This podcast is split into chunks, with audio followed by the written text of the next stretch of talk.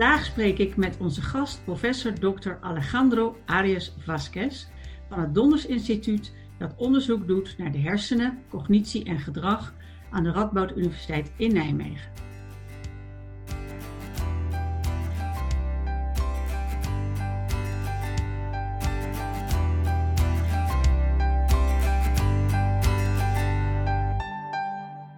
Alejandro doet ook onderzoek naar het microbioom, de darmbacteriën en hun relatie met psychische stoornissen zoals ADHD. Welkom Alejandro. Ik ben heel blij dat je vandaag onze gast wil zijn. Welkom uh, uh, Sandra. Uh, bedankt voor je uitnodiging. Het is heel belangrijk voor me die soort bespreking te hebben met, met patiënten, met hun families, met health professionals om een beetje uitleg te geven over de uh, microbiome, microbiota en de andere dingen in verband met uh, ADHD. Nou, geweldig. Mijn eerste vraag is, want de mensen weten misschien helemaal niet wat het is. Wat betekent microbioom en wat heeft het met ADHD te maken? Ja, uh, laat me beginnen met de betekenis van de twee zeer belangrijke woorden uit te leggen. Um, dit zijn microbiota en microbioom. Uh, die eerste verwijst naar de micro-organismen die symbiotisch met ons leven. Aangezien ons lichaam vol met micro-organismen, waaronder bacteriën, virussen en schimmels. Nou, uh, symbiotisch uh, betekent dat het voor beide gunstig is om samen te leven. En ik zal dit wat later uitleggen. De term microbiome verwijst uh, naar het genoom, de genen van deze micro-organismen die in ons leven. Nou, uh, voor dit gesprek zullen we de term microbiom op de side zetten, een beetje losjes gebruiken en alleen over bacteriën te praten. Deze bacteriën leven op onze huid, in ons mond, in ons maag en darm, kortom, overal om ons heen. En ze zijn betrokken met, uh, bij belangrijke gezondheidssystemen. Met andere woorden, uh, we hebben deze bacteriën nodig voor een goede gezondheid. Nogmaals, voor dit gesprek zal ik het alleen hebben over de bacteriën die in onze darmen leven. Um, laat me je enkele voorbeelden geven. Het microbioom is betrokken bij de training van, de, van het immuunsysteem. Het is ook betrokken bij de productie van belangrijk, belangrijke stoffen die we niet produceren. En is verantwoordelijk voor het verzenden van signalen via de zenuwcommunicatie tussen de darm en de hersenen. Nou, denk hierover eens over na. Als je voedsel dat eet dat bedroven of verrot is, waar voel je dan de misselijkheid? In je hoofd, toch? Omgekeerd, als je een zeer stressvolle of eng prikkel krijgt, voel je die in je buik. Een soort vlinders in je buik of een gut feeling. De hersenen en de darmen communiceren constant en bidirectioneel. We hebben meer dan 500 miljoen neuronen in de darmen. En deze communiceren constant en zeer snel met onze hersenen. Via de darm-hersen-as of gut-brain axis in het Engels. De eerste keer dat we deze bacteriën krijgen, is vanaf de geboorte van onze moeders. Vanaf dat moment blijven we de microbiota gedurende ons leven vormgeven. Er zijn veel determinanten bij het microbiome, maar de belangrijkste zijn dieet, geslacht, of mannelijk of vrouwelijk, en de genen, ons genen. Met dieet bedoel ik alle dingen dat we consumeren als voedsel en drank. Nou, laten we hebben over je tweede vraag. Wat heeft het met ADHD te maken? Nou, ik heb je net verteld dat een microbiome specifieke stoffen produceert die we niet produceren, toch? Sommige van deze stoffen zijn de voorlopers, de bouwstenen van neurotransmitters. Neurotransmitters zijn de stoffen die de communicatie tussen neuronen vergemakkelijken. De veranderingen in het aantal beschikbare neurotransmitters is één van de mechanismen die betrokken zijn bij ADHD. Bijvoorbeeld dopamine of serotonine. Nou, Het microbiome produceert de verlopers van dopamine, serotonine en andere neurotransmitters.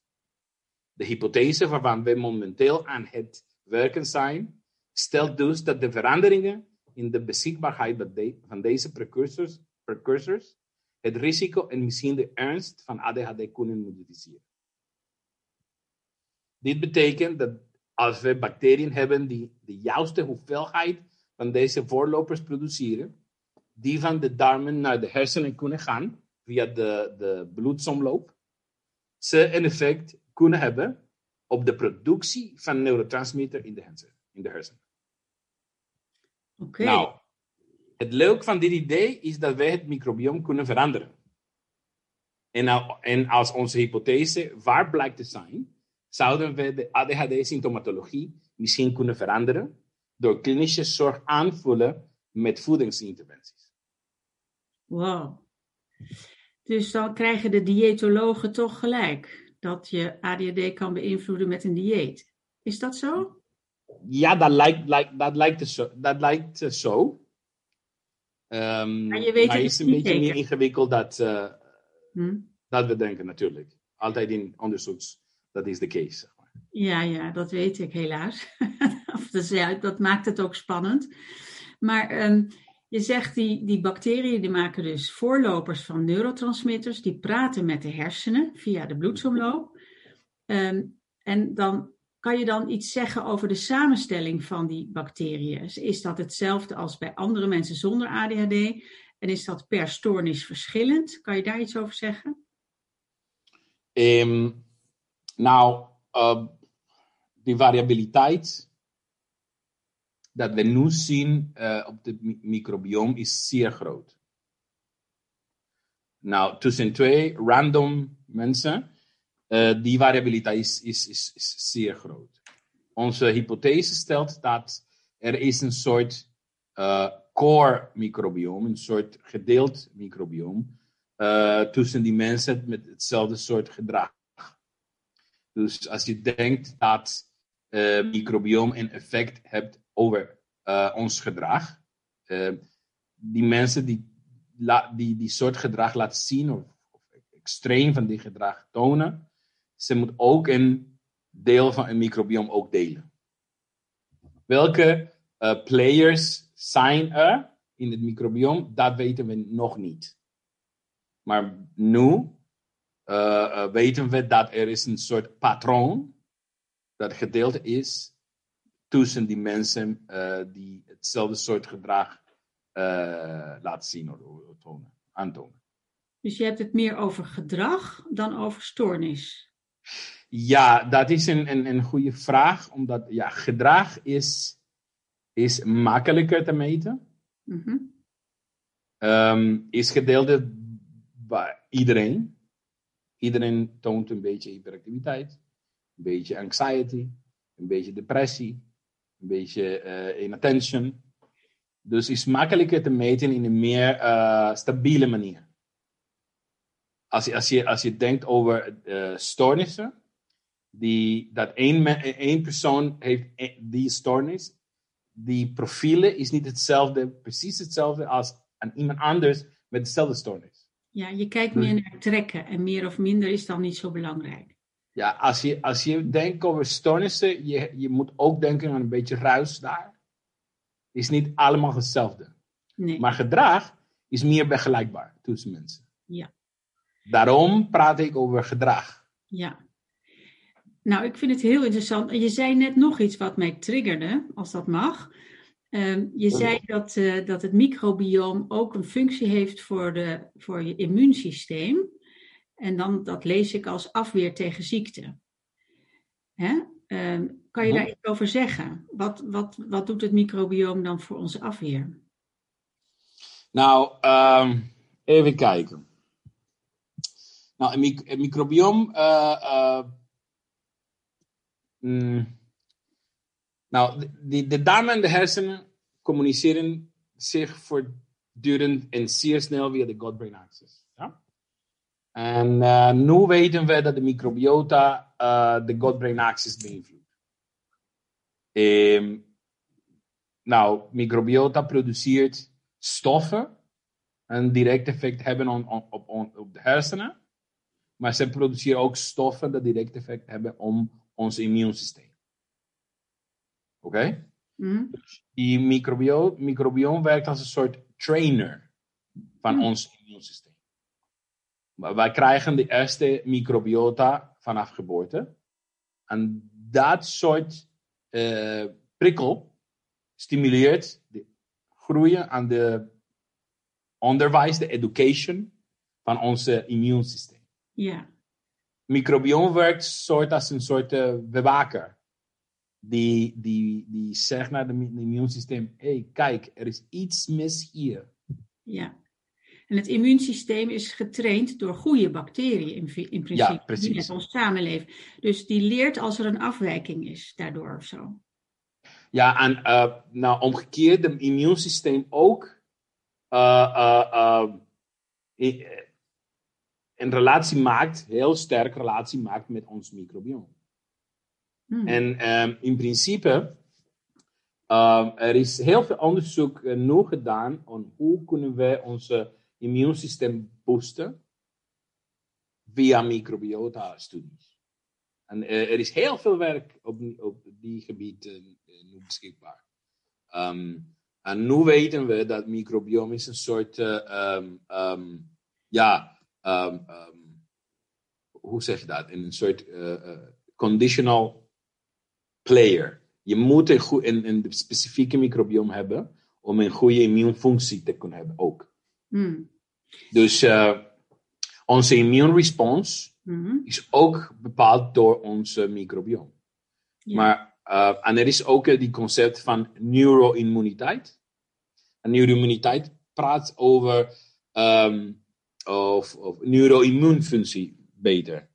Ehm, en, en, en eigenlijk die neuroimmuunfunctie dient om neuronen te beschermen tegen ziekten. ehm, en, en die kunnen wij doen, of de neuroimmuniteit kan dat doen door selectief eh, barrières ehm, in stand te houden. Bijvoorbeeld de blood- blood-brain barrier, de, eh, de bloed-hersenbarrière.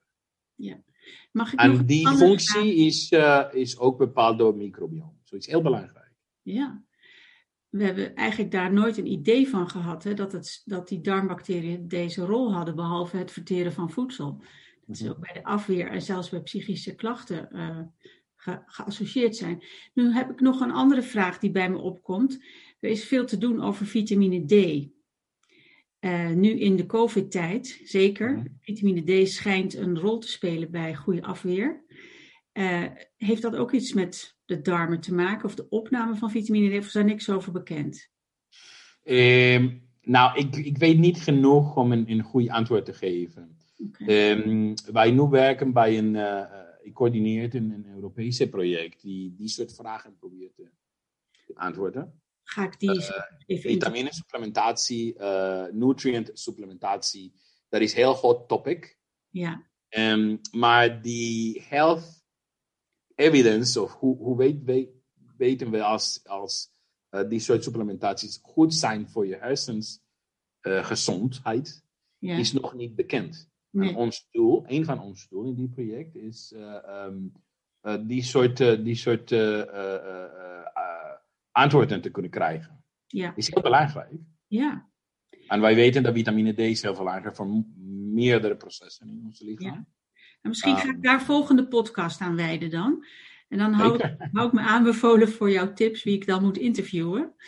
Eh, mijn laatste vragen zijn: kun je zeggen wat, eh, wat je verwacht in de toekomst voor de behandeling van ADHD?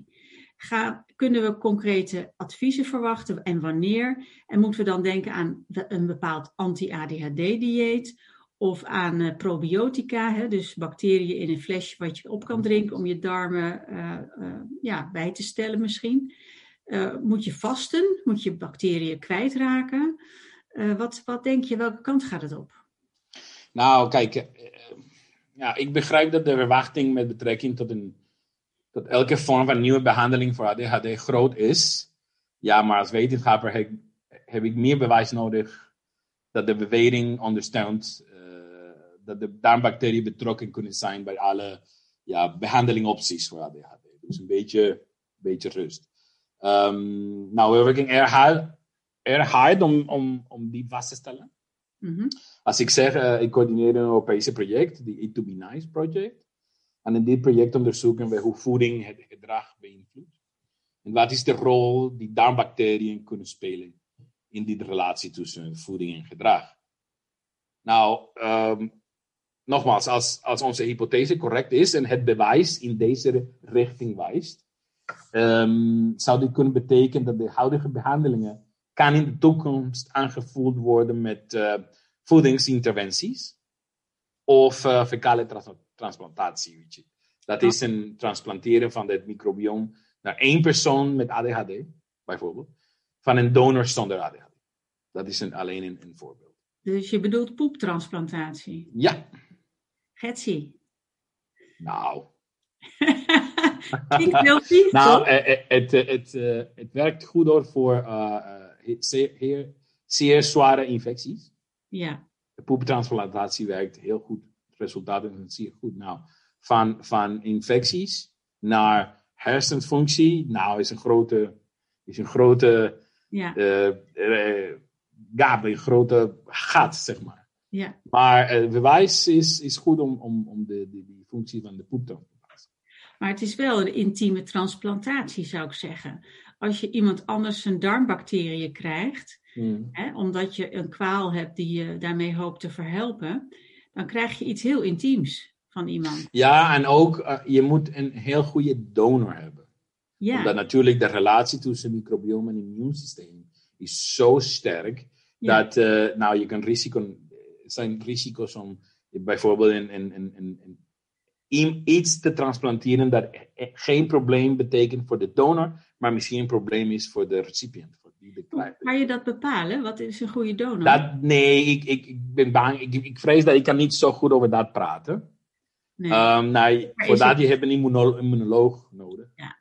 Uh, niet een bioloog. ja, Maar ja, is, niet, is een heel fantastisch idee. ja, Maar natuurlijk, we moeten meer aan, aan aan die soort eh, problemen werken. ja.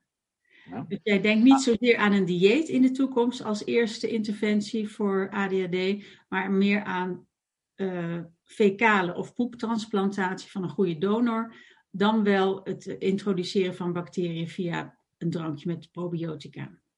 Eh, ja, kijk. ehm, eh, ik, zou ik, de, ik, ik, kijk, als ik een arts was die dat met mensen met ADHD werkte, dan dat ben ik niet. Ik, zou ik die voorkeur geven aan dieetinterventies. Wel, Dat zijn mijn voorkeur. oké. Nou, ik, hier, moet hier een punt maken voor duidelijkheid. Ik denk dat de meeste mensen antwoorden willen hebben wat betreft op de manier waarop klinische mensen of uh, health professionals momenteel de ADHD behandelen. Um, dus die behandelingsstrategie is niet altijd gebaseerd op het individu, maar eerder op wat we weten dat het werk op basis van uh, gegevens die verzameld zijn bij de behandeling van veel individuen. Toch? We weten dat dit werkt in de meerderheid. Ja. Dus we gaan dit proberen eerst. Ja, Nou, dit betekent dat de huidige behandelingen voor verschillende mensen anders werken. ja. Ja. Individueler. Ja, precies. Ja. Dus als ik heb het over het gebruik van dieet als um, mogelijk aanvulling op de behandeling, um, dan heb ik het over het idee dat we wa verwachten dat sommige mensen met ADHD gevoelig zullen zijn voor verschillende voedingsproducten. Oké. Maar je weet Uh, ook niet- voedingseffecten variëren van persoon tot persoon. Hmm, Dus je kan nog niet een algemeen dieet eh, samenstellen of bedenken. Daar is het te vroeg voor. Nu, nu niet. Maar ik, ik zeg niet nee. Ik zei, ik zei nu niet. Hmm, De manier waarop voedsel onze gezondheid beïnvloedt is niet voor iedereen hetzelfde.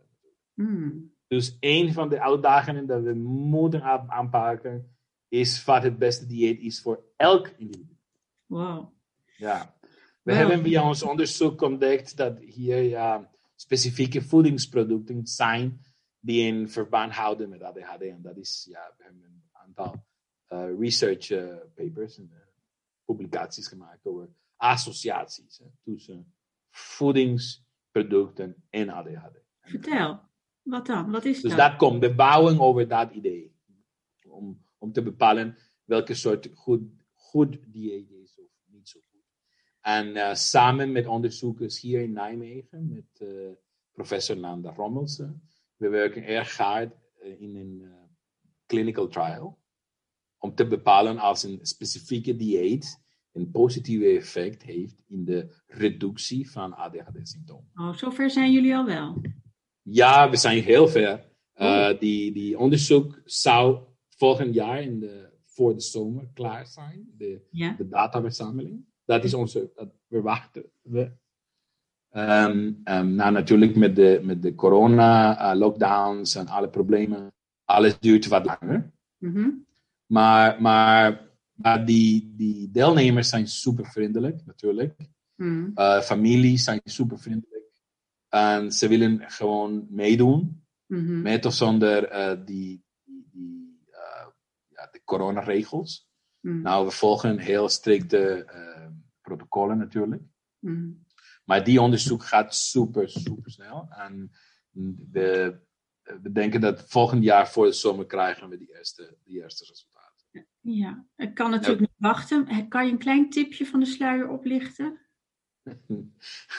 Nee, Ah, nog niet. Nou, nog niet. ik, Kijk, eh, we moeten iets later voor de volgende podcast. ja, dan kom ik gewoon terug bij jou in eh, volgende zomer. Ja, in principe. kijk, wij werken ook met, ehm, met de Predimed-studie. Die is een heel bekend studie over die effecten van dieet in hart- en vaatziekten.